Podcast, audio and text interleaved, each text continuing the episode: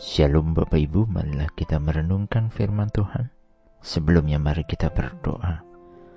Tuhan kami hendak merenungkan firman-Mu. Pimpinlah kami di dalam Tuhan Yesus. Kami berdoa. Amin. Bacaan saat ini diambil dari Mazmur 73 ayat 26. Mazmur 73 ayat 26. Dagingku dan hatiku boleh habis, tetapi Allah adalah gunung batu hatiku dan bagianku selama-lamanya. Kadang kita merasa hidup ini tidak adil ketika melihat kejahatan lebih berkuasa dibandingkan kebaikan. Kekayaan menekan kebenaran sehingga apa yang benar terlihat bodoh. Orang taat menjadi yang tersingkirkan, Bahkan orang fasik lebih makmur dibandingkan orang taat. Orang menjadi lebih populer ketika tampil tidak sopan, bahkan mulut kotor ringan untuk terucap. Lalu kemudian kita mulai bertanya, mengapa Tuhan membiarkan hal-hal buruk terjadi pada orang-orang saleh? Mengapa orang jahat tampaknya tidak tersentuh meskipun cara mereka sungguhlah jahat. Bacaan saat ini mengatakan, Allah adalah gunung batu hatiku dan bagianku selamanya.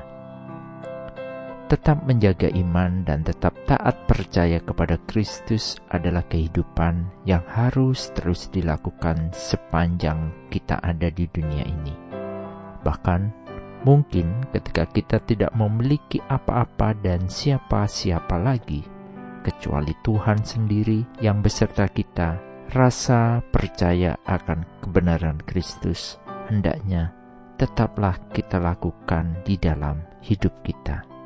Ketika Alkitab berkata, "Tuhan adalah bagianku," itu berarti Tuhan adalah sumber kebahagiaan dan berkatnya. Dia puas dengan semua yang Tuhan sediakan, dan Dia memiliki warisan terbaik yang bisa dibayangkan dan tidak mencari kenyamanan apa pun di luar Tuhan. Kekayaan, kehormatan, teman, dan ketenaran tidak ada yang lebih berharga daripada janji Tuhan.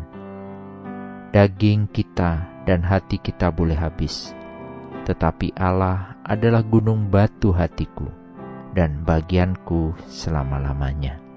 Amin. Mari kita berdoa. Bapak Surgawi, terima kasih atas firman-Mu saat ini. Pengingat bagi kami bahwa kita hendaknya pilih Tuhan, walaupun tubuh ini musnah.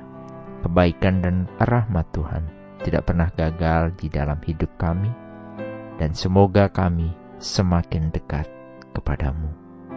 Kiranya kami dapat menyatakan karya-karya Tuhan bagi orang-orang di sekeliling kami.